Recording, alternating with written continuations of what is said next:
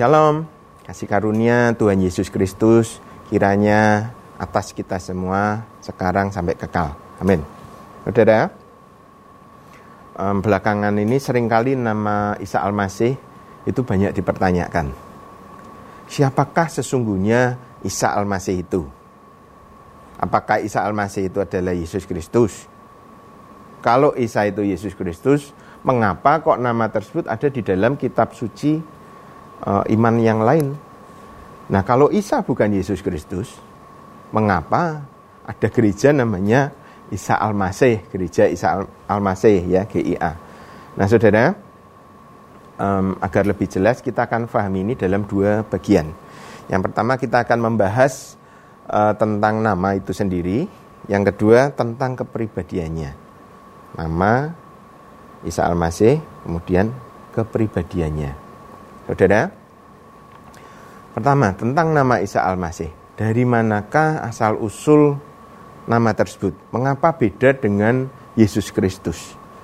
Pertama, kita harus memahami bahwa Yesus Kristus adalah orang Yahudi dari suku Yehuda. Oke. Dari, baik dari Maria maupun dari uh, garis keturunan Yusuf. Nah, Yerusalem pada masa perjanjian baru pada zamannya Yesus dan 12 rasul tersebut disebut sebagai zaman poliglot, yaitu satu wilayah dengan banyak bahasa. Zaman Yesus dipakai bahasa minimal ada empat, Aramaik, Ibrani, bahasa orang Yahudi, Yunani, dan Latin. Jadi Israel pada masa Yesus itu akrab dengan empat bahasa tersebut. Sebagian besar orang Ibrani atau orang Yahudi atau orang Israel, mereka melakukan kegiatan surat menyurat, catat mencatat, arsip, itu sering kali di dalam bahasa Yunani karena itu yang paling mudah di dalam penulisannya. Itu pun hanya kaum terpelajar. Karena bahasa tertulis yang lumrah waktu itu dipakai adalah bahasa Yunani. Contohnya orang Romawi, pemerintah Romawi pun sering kali punya arsip rangkap ya. Arsipnya satu dalam bahasa Itali, satu e, bahasa Yunani. Contohnya catatannya Flavius Josephus. Kemudian ada jurnal-jurnal Pilatus. Nah, Yesus sebagai suku Yehuda memiliki nama Yesua atau Yasua dalam Aramaik. Sedangkan kata Masiah atau Masikah Aramaik merupakan gelar. Artinya yang diurapi atau diterjemahkan Indonesia Mesias. Dan pada bahasa Yunaninya nama Yesua dipanggil Yesus. Sedangkan kata Masiah atau e, Mesias atau Masikah di dalam bahasa Yunani ada suatu padanan katanya Yunani punya kosakata tersebut yang menggambarkan sosok Mesias, yaitu Kristus. Maka gelar Masiah atau Masikah atau Mesias di dalam bahasa Yunani ditulis dengan Kristus. Nangkep ya? Maka nama Yesua uh, Masiah di dalam lidah Yerusalem masa itu dipanggil dalam nama Yesus Kristus. Kemudian setelah peristiwa kisah Rasul 2, nama Yesus Kristus juga diberitakan di dalam lidah bahasa Arab. Kita tahu ya di catatan kisah 211. Yesua, Yesua menjadi Isa, Masya, Masikah menjadi Masih. Maka sebutan lengkapnya Yesua tambah H, yaitu kata sandang seperti de dalam bahasa Inggris, Masiah. Maka dalam sebutan Ibrani, Yesua H Masiah. Dalam Arabnya, Yisa tambah kata sandang al seperti de tadi, kemudian Masikah masih. Jadi bahasa Arabnya Isa al-Masih, Isa sang Mesias. Itu semua namanya rubah bunyi dari rumpun semetik Ibrani, Aram, Arab. Jelas ya tentang nama ya, rubah bunyi. Yesua ha Masiah, Isa al Masih. Yunani Yesus Kristus. Sekarang yang kedua.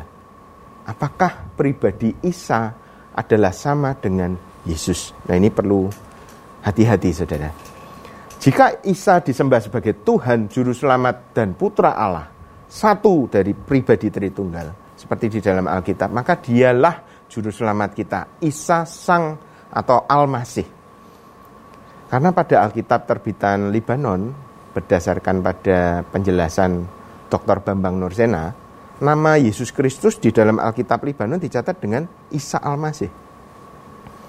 Maka jawabnya, kalau nama Isa Al-Masih tersebut merujuk kepada Alkitab, bahasa Arab, maka dialah Yesus Kristus yang sama yang kita sembah. Hanya disebut di dalam lidah Arab. Kemudian, mengapa ada pemakaian kata Isa Al-Masih dipakai oleh orang Kristen di Indonesia? Ini menarik sekali.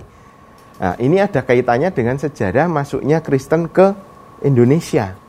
Jadi yang memakai kata Isa Al-Masih di Indonesia bukan hanya agama sebelah, yaitu pada zaman Belanda. Bahasa Alkitab yang kita pakai di Indonesia pertama adalah terjemahan Melayu. Nah, itu dikerjakan oleh William G. Selabear ya dari Inggris. Dia uh, di Singapura bersama dengan seorang petobat dari Melayu yaitu Ence Ismail.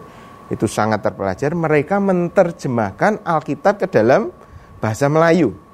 Nah, Alkitab Selabear ini yang pertama kali dipakai uh, orang Indonesia adalah Melayu Arab. Nah, nama yang dipakai merujuk pada Yesus Kristus adalah Isa Al-Masih. Kira-kira tahun 1899. Itulah kenapa kadang di Indonesia Yesus Kristus di dalam Alkitab dipanggil sebagai Isa Al-Masih. Yesus Kristus di dalam Alkitab kadang dipanggil sebagai Isa Al-Masih. Simpulannya, ketika ditanya apakah Isa Al-Masih adalah Yesus Kristus, maka jawaban kita adalah jika nama itu bersumber dari Alkitab, maka Isa Al-Masih dan Yesus Kristus adalah pribadi yang sama.